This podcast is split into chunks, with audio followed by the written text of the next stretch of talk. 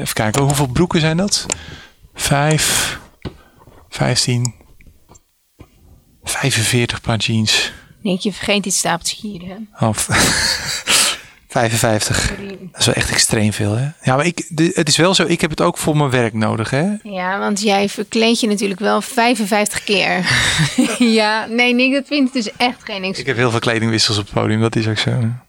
Dan shirts en dan zit ik op ehm 70 en dan, oh, hier nog een heel rek. 110 items wel. En ik moet wel bekennen dat ik tijdens het wassen toch wel vier of vijf spijkerbroeken zeker wekelijks tegenkom. Ja, dat, dat, dat is gewoon wat, wat iedereen wel concludeert, denk ik. Dat, dat het meeste zou je echt wel zonder kunnen. Dat zou ik dan, want dat, dat doe ik wel. Hè. Ik geef het wel altijd door aan mensen om me heen die dezelfde maat hebben. Ja, zeker wel. Die zijn, dat- ook- dat- die zijn wel altijd heel erg blij met jou.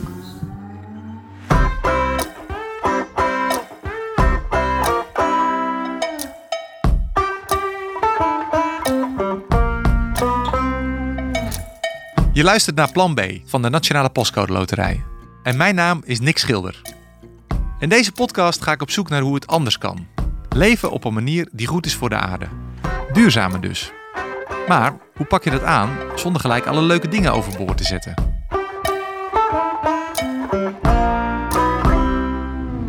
Ja, zoals je dus hoort, duiken we vandaag de kledingkast in. Ik geef toe, kleding is wel een dingetje. Ik heb te veel. En het meeste draag ik nauwelijks. Zelfs als ik alles in mijn kledingkast één keer zou moeten dragen, zou dat echt een uitdaging zijn. En die volle kledingkast van mij, dat is natuurlijk niet de enige in Nederland. Denk daar eens over na. Al die t-shirts, spijkerbroeken en truien. Daar is katoen voor nodig. Fabrieken. En dan moet het ook nog naar de winkel worden vervoerd. Ja, er zit een behoorlijk groot probleem daar in die kast. Dat is duidelijk. Mijn naam is Kim Potner. Ik ben lector Circular Business aan de Haagse Hogeschool. En ik ben gespecialiseerd op duurzaam ondernemen in de mode-industrie. En als er iemand is die ons over de voetafdruk van onze kleding kan vertellen, is dat Kim. Bij mij staat duurzaamheid toch op één en mode op twee. Als we uitgaan van dat een gemiddelde Nederlander ongeveer 50 nieuwe kledingstukken per jaar koopt.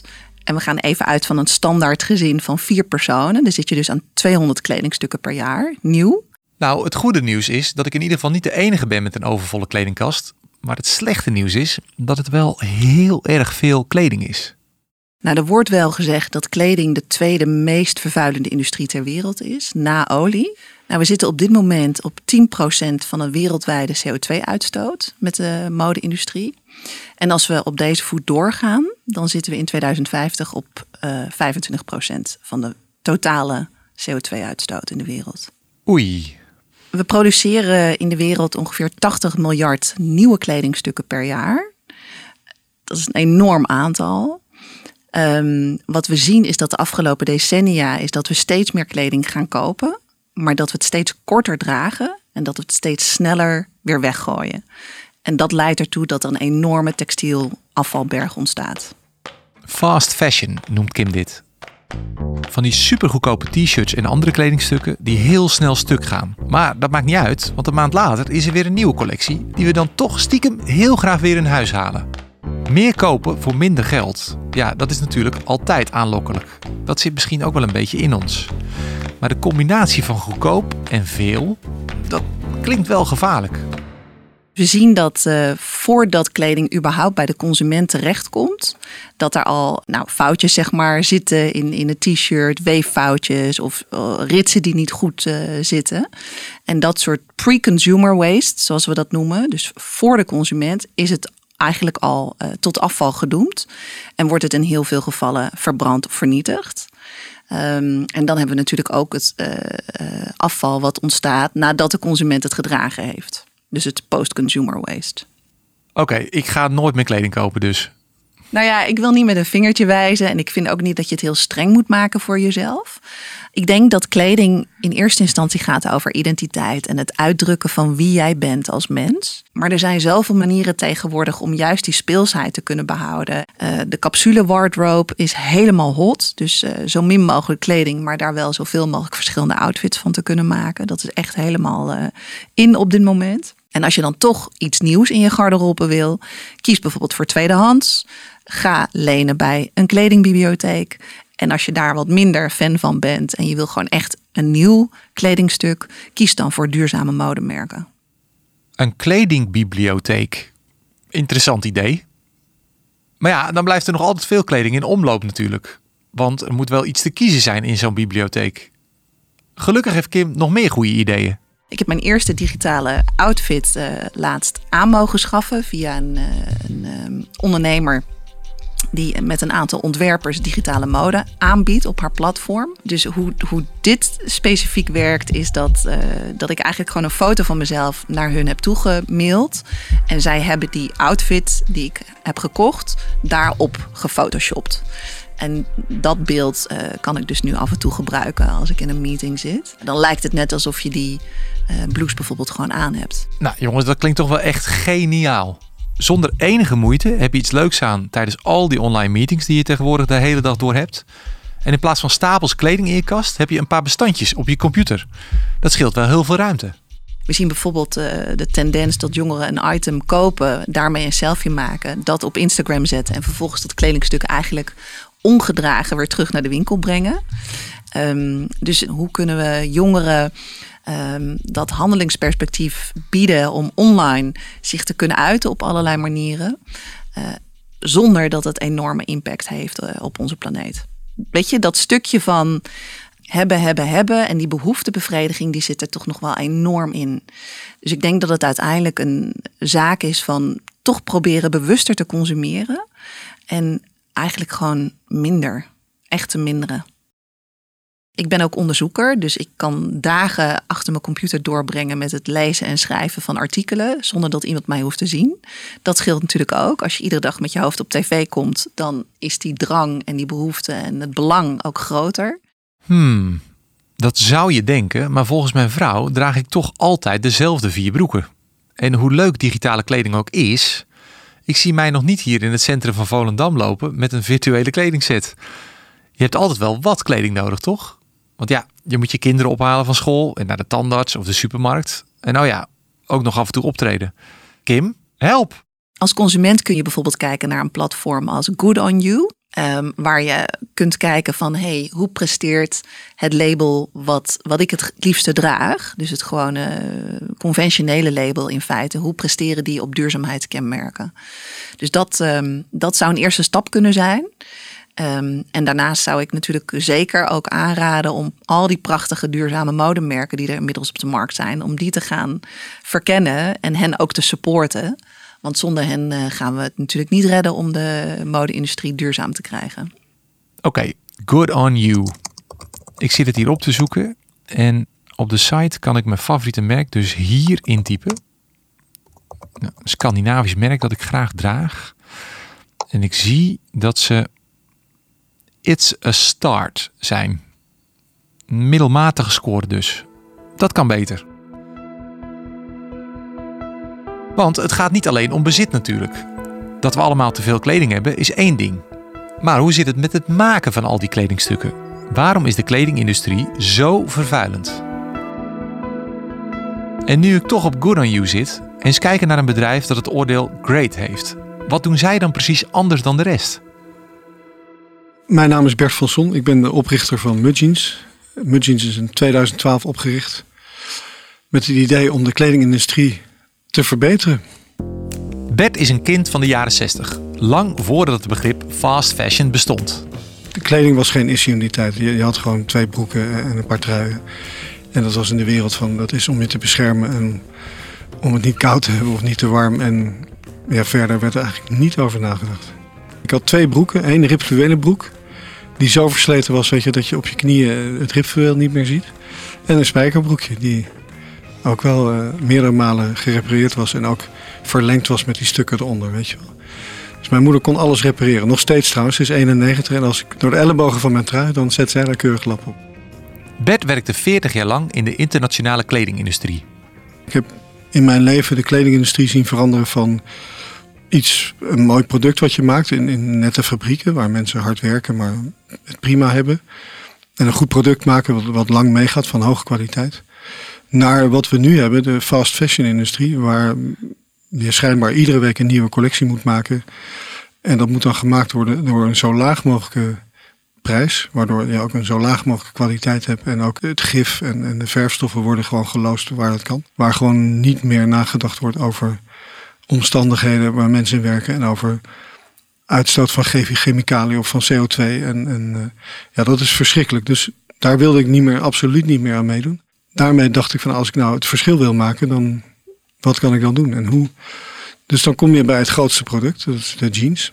En ook meteen het meest vervuilende product. En als je daar het verschil kan maken, dan is dat best aardig. Dus daar zijn we gestart met het idee van we willen ook verantwoordelijk zijn voor het, het einde van het leven van het product. Dus als jij je broek gedragen hebt en je hebt hem honderd keer gerepareerd en het kan echt niet meer, dan hoop ik dat je hem ons inlevert. En wij gaan dan de, de grondstoffen opnieuw gebruiken. Dus we willen van oude spijkerbroeken weer nieuwe spijkerbroeken maken. En het grappige is dat dat was in 2012 eigenlijk iets heel nieuws. Dat je als producent verantwoordelijk bent, ook na de verkoop, zeg maar. En ik denk dat dat ook de toekomst is, want dat is de circulaire economie. Dat je op het moment dat je een product ontwerpt, nadenkt over het moment dat je hem ook weer terug gaat krijgen. En het dan voor jezelf zo makkelijk mogelijk maakt om het te recyclen. Dat klinkt heel slim eigenlijk, zo'n aanpak. En dus? Mudjeans is het eerste en enige circulaire jeansmerk ter wereld. Wij maken van oude spijkerbroeken weer nieuwe spijkerbroeken. Dat betekent dat wij. We proberen alles goed te doen in, de, in het maken van de broek, in de hele keten. Dus eh, bij de katoen proberen we biologisch katoen te kopen. De verfstof, de indigo verfstof, die maken we netjes van een biologisch afbreekbaar. Want dat is een heel chemisch vervelend stofje. Nou, de, de fabriek die de jeans maakt, dat doen we in, Tunesië. Daar worden mensen netjes betaald. Het is een mooie omgeving, goede fabriek. Uh, zijn goed sociaal verzekerd. Ik heb eerlijk gezegd nooit een spijkerbroek als boosdoener gezien. Ik bedoel, het is ontstaan als een stevige broek. Voor mensen die keihard werken. Matrozen, cowboys, goudzoekers. En daarna, ergens in de jaren 60, werd het overgenomen door hippies. Het symbool voor vrijheid. En dat is het eigenlijk nog steeds. Het is mijn favoriete kledingstuk. Maar als je er goed naar kijkt, het is toch niet meer dan een beetje stof, een paar knopen en wat verf? De spijkerbroek is een heel vervuilend uh, product. Het komt onder andere door de katoen. Dus alles gaat al fout bij de katoen. daar gaan heel veel pesticiden over. Er is heel veel water voor nodig. Vaak ook in gebieden waar niet veel water is. Dus soms 7000 liter nodig om één spijkerbroek te maken. Daarna moet het gesponnen worden. Uh, daar gaat heel veel mis. Daar worden mensen niet heel eerlijk behandeld. Dan moet het geverfd worden. De indigo dye hè, het blauwe verfstofje, is een hele kankerverwekkende eh, verfstof. Daar is nu vervanger voor, die gebruiken wij. En te bleachen, noem maar. Nou, daar zijn ook nu andere technieken voor. Wij, wij doen het met lasertechniek. Dus dan heb je dat water niet meer nodig. Maar dan krijg je wel die, die effecten van een beetje uitwassen. Dat bleachen doen we met ozon, O3. Dus, dus er zijn heel veel oplossingen nu, maar je moet het wel gaan gebruiken. Oké, mijn beeld van de spijkerbroek was toch iets te romantisch. Gelukkig heeft Bert betere manieren gevonden voor het maken van spijkerbroeken. Maar wat nu als die broek na een tijdje versleten is en er gewoon niet meer uitziet? Ja, kwaliteit is natuurlijk het allerbelangrijkste. Dus duurzaamheid is natuurlijk niet alleen uh, dingen recyclen en terugnemen, maar vooral een product maken wat heel lang meegaat. Nou, dat, dat staat natuurlijk bovenaan het laddertje. En als de broek terugkomt, kan je ook nog eens een keer zeggen: ja, kunnen we hem nog repareren en als vintage gaan verkopen? Dus we hebben ook een vintage collectie hangen nu in ons winkeltje in uh, Laren. En ja, dat is natuurlijk helemaal leuk als je een broek nog een keer weer in kan brengen. Uh, maar goed, dus um, de meeste broeken gaan in de recycleton. Wij kunnen op dit moment, als we oude spijkerbroeken vermalen, dus echt in een shredder gooien en dat helemaal uit elkaar trekken, totdat je weer iets van een vezeltje krijgt, wat je dan moet mengen helaas weer met, wel met nieuwe biologische katoen. Wij willen heel graag van een oude spijkerbroek een nieuwe maken, een 100% broek maken van oude spullen. Dat scheelt dus 7000 liter water, een half katoenveld, heel veel pesticiden, slechte arbeidsomstandigheden. Dus je krijgt een tientje korting op je broek als je een oude broek inlevert, als er maar 95% katoen in zit. Maar we dachten het is nog veel leuker als, als we een broek gaan leasen. Met het idee van moet je eigenaar van iets zijn of is het gebruik van een product goed genoeg? Er zijn mensen die zeggen van nee, ik betaal hem wel één keer, koop hem gewoon eh, klaar. En ik krijg een tientje korting als ik hem terugstuur. Er zijn ook mensen die, die, die dit alleen maar doen omdat ze het idee zo leuk vinden. Van niks bezitten. Of je hebt mensen die zeggen, ja, ik heb mezelf beloofd dat ik een jaar geen nieuwe kleding koop. Maar dan kan ik wel een spijkerbroek leasen. Een broek leasen? Net zoals een auto dus. Maar met een veel eenvoudiger contract en zonder bijtelling natuurlijk. Ja, dat scheelt behoorlijk. Het is heel belangrijk om, om in deze tijd van fast fashion daar een, een tegenbeweging op te maken. Dus wij ageren tegen het idee dat je ieder half jaar een hele nieuwe collectie moet hebben of, of alles opnieuw. Wij zeggen we hebben een hele goede collectie, we hebben hele goede essentials. producten die volgend jaar ook nog heel mooi zijn. We werken slechts met vijf stoffen. Dus die vijf stoffen heeft onze fabrikant op voorraad in Tunesië. En daardoor kunnen we heel snel reageren. Dus wij, wij, wij zeggen onze retailers ook van koop vooral weinig in. Kijk hoe het loopt. En als het goed loopt kan je direct bijbestellen. Het is never out of stock.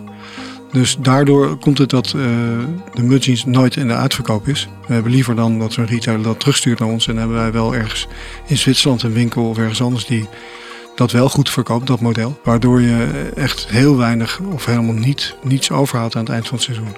Nou, en dat is eigenlijk een heel groot deel van onze duurzaamheid. Dat we niks overproduceren.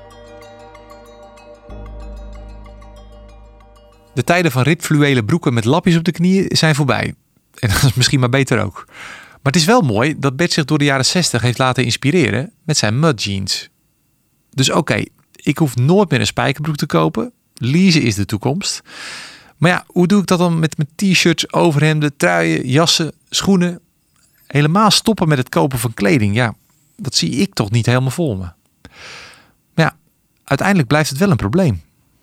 Kleding aan zich wordt, wordt eh, eigenlijk maar slecht gedragen. Mensen kopen veel te veel en dragen dan slechts 60, 70 procent van wat ze in de kast hebben hangen. Heel vaak hebben mensen nog dingen in hun kast hangen met het uh, aankoopetiketje er nog aan. Dat is wel dramatisch. Oké, guilty. Tijd om daar iets aan te gaan doen.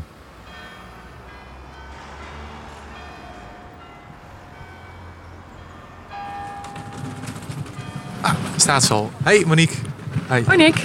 Ik ben naar de Haarlemmerstraat in Amsterdam gegaan.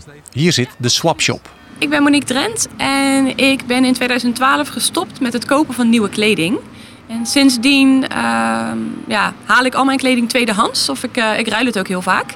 En um, dat is uitgemond in een concept, de Swapshop. En de Swapshop is een winkel waar je kleding ruilt in plaats van koopt. Het idee is eigenlijk ontstaan in 2017. Hoe kunnen we het verlengen van de levensduur van kleding, uh, het verminderen van verspilling en vervuiling onder de aandacht brengen van mensen? Wat was nou dat baalmoment waar dat dan uit voortkwam? Dat je, had je, had je zo'n moment dat je dacht, waar ben ik nou mee bezig eigenlijk?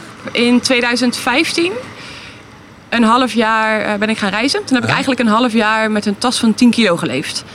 En dat ging heel makkelijk en goed. En toen kwam ik terug voor mijn uh, enorme kledingkast. Mm -hmm. Met allemaal uh, schattige jurkjes die ik wel koop, maar nooit aantrek. Omdat ik altijd spijkerbroeken aantrek. En toen dacht ik, misschien moet ik die dingen toch eens een keertje aan gaan trekken. Uh, voordat ik iets nieuws koop. En zo is het begonnen. Toen ben ik dat gaan doen. En dat uh, was eigenlijk zo leuk en zo'n uitdaging dat ik mijn hele kledingkast op ben gaan dragen voordat ik nieuwe, nieuwe dingen ging kopen. En toen was ik alles wat daarin hing echt spuugzat. Mm -hmm. En toen ben ik gaan ruilen met vriendinnen. Of ik kreeg af en toe ook wel eens een trui uh, van mensen die dachten... oh, de arme kind is zo streng voor zichzelf. ja. Die gunnen we wel een trui. Dan geef ze maar een trui. Uh, dus dat, uh, ja, dus ik, ik, kreeg eigenlijk best wel veel spullen of ik ruilde het. Mm -hmm. en, uh, of, of, vriendinnen die zeiden... joh, ik ga mijn kleding wegdoen, wil je er even doorheen kijken? Nou, ja. lijkt me leuk. We staan hier in Hartje, Amsterdam op een prachtige locatie. Het ziet eruit als gewoon de kledingzaak op het eerste oog. Ja. Dus, kunnen we naar binnen gaan? Absoluut. Kom maar mee.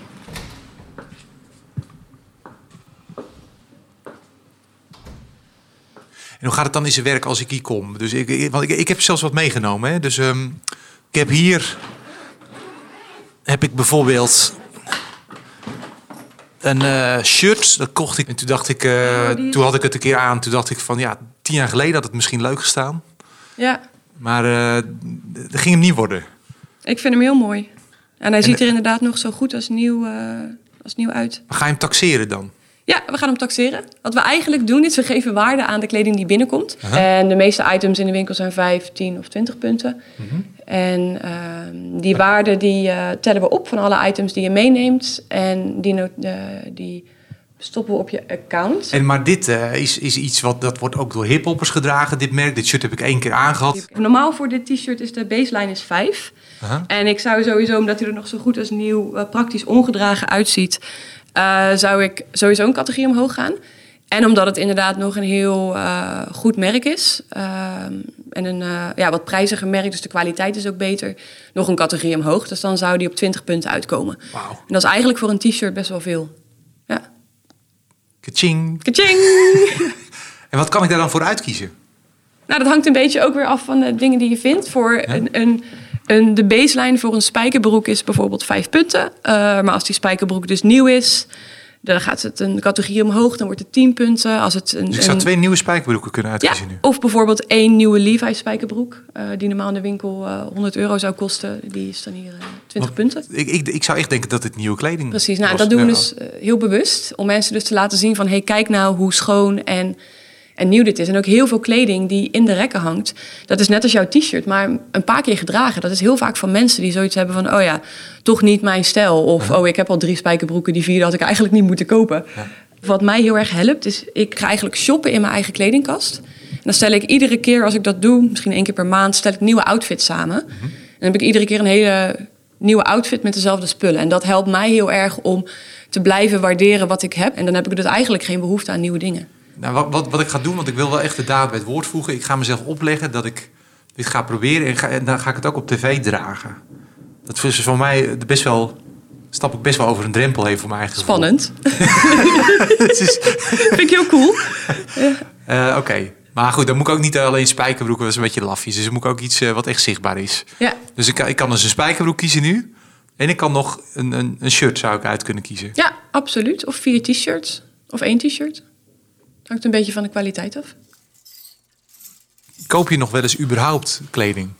Nou, eigenlijk niet. Inmiddels is dat eigenlijk eh, niet meer nodig. Want ik heb zoveel kleding in mijn kledingkast die eh, gewoon heel mooi en goed is. En als ik, daar, als ik dat zat ben, dan breng ik dat naar de swapshop. En dan zoek ik weer iets nieuws uit. Je bespaart ook natuurlijk veel. Ja, We- weet je hoeveel? Heb je, wel eens, heb je eens een beetje uitgerekend? Nou, ik denk, als ik kijk naar wat ik vroeger kocht, dat ik zeker wel 100 euro per maand eh, eh, bespaar. Dus ik denk als ik nu eh, nog nieuwe kleding zou kopen, dat ik misschien nog wel meer zou uitgeven. 9 jaar, 100 euro per maand. Dat is toch al meer dan 10.000 euro. eh Als je het zo bekijkt. mooie ja. auto kun je ervan kopen. ja, inderdaad. Ja. Ja, als ik mezelf naga, nou ben ik misschien wel echt vreselijk. Maar ik, wat ik ook wel eens doe, dan heb ik bijvoorbeeld een be- belangrijk optreden. En dan wil ik zeker weten dat ik iets in de juiste maat binnenkrijg. Dan bestel ik het in twee maten. Ja, En dan stuur ik eentje terug. ja. Dat is jouw ogen vreselijk, volgens ja. mij. Ja, dat is ja, eh, best wel. En vooral ook omdat heel veel winkels die dus dingen retour krijgen, eh, die stoppen dat niet meer terug in het assortiment, omdat het duurder is om dat weer opnieuw eh, in, de, in de voorraad te stoppen en opnieuw te versturen dan dat het is om het af te danken. Weet, weet je hoeveel items je hebt momenteel in je kledingkast? Want je, je, je kan dus met heel weinig heel veel outfits combineren, Ja. vertel je. Ben ik wel benieuwd. Hoe, kun je dat inschatten? Gemiddeld hebben we in, in Nederland volgens mij 178 items in onze kledingkast liggen. Dat is best wel veel. Nou ja, dat red ik nu niet. Eh, ik denk dat ik in totaal een stuk of 50 items heb, wat voor mij heel veel is. Eh, maar als je het dus vergelijkt met het gemiddelde niet. Maar ik moet wel zeggen dat de inhoud van mijn kledingkast die wisselt heel snel.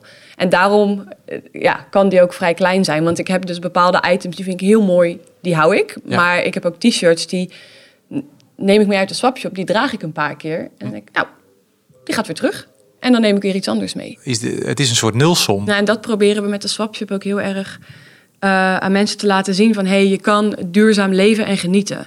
Het is oké om verliefd te zijn op eh, eh, kleding of, of ja, er leuk uit te willen zien. En het is oké om daar moeite in te stoppen. Maar probeer wel, terwijl je dat doet, zo min mogelijk impact te maken op de natuur. Ik zou heel graag willen dat de focus niet meer ligt op kopen, kopen, kopen en maken en maken en maken. Maar op laten we nou gewoon met z'n allen goede kleding maken. eh, Die niet vijf weken meegaat, maar vijf jaar of tien jaar of vijftig jaar.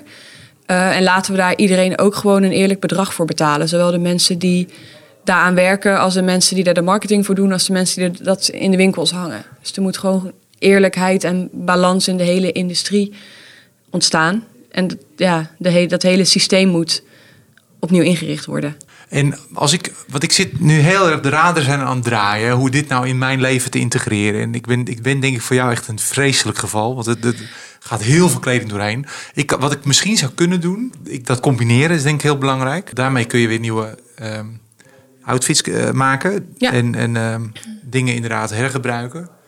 Ik draag nu meestal iets niet meer dan drie keer. Ja, Dat kan echt wel wat hoger. dat kan absoluut hoger. Maar ik denk wat jij in het begin aangaf en wat jij wel heel goed doet, is dingen niet weggooien als je er klaar mee bent. Maar je geeft ze weg aan Ja. mensen om je heen die ze ook weer dragen. Dus het is niet zo dat nadat jij afscheid neemt van jouw kleding, dat de levensduur van die kleding beëindigd is. Nee, die gaat door Ja. en, en die verlengt. En dat blijft, zorgt er wel voor dat iemand anders dus weer een t-shirt minder hoeft te kopen. Oké, dus dat, dat, Ehm, dat, dus dat, is, daar krijg goed. je wel weer wat eh, credits voor. En als ik eh, die twee maten bestellen en dan eentje terugsturen, dan moet ik mee stoppen. Niet meer mij. En zo pakte ik daar uiteindelijk in Amsterdam toch nog wat bonuspunten mee door kleding aan anderen te geven. Volgende stap: shoppen in mijn eigen kledingkast. Want ja, dat wil ik echt gaan proberen. Misschien is het nog wel leuk ook om te doen. Een beetje op een regenachtige zondagmiddag een beetje nieuwe combi's maken.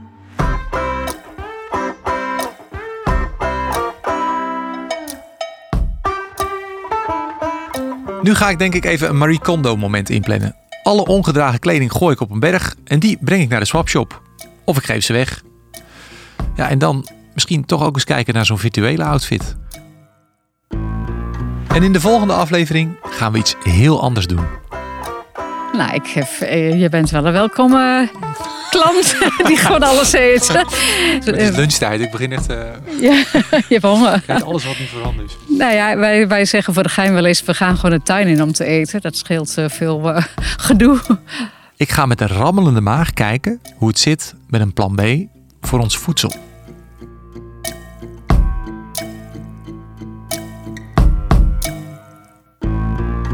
Dit was Plan B, een podcast van de Nationale Postcode Loterij.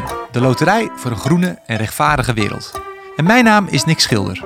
Ik vind het geweldig dat de Postcode Loterij dankzij haar deelnemers al ruim 7,1 miljard euro aan meer dan 100 goede doelen heeft kunnen schenken en zo bijdraagt aan een betere wereld. Wil je meer weten over deze podcast en over hoe jij duurzamer kunt leven? Kijk dan op planbdepodcast.nl. Wil je geen aflevering missen? Zorg dan dat je je abonneert op Plan B in je favoriete podcast-app. En dankjewel voor het luisteren.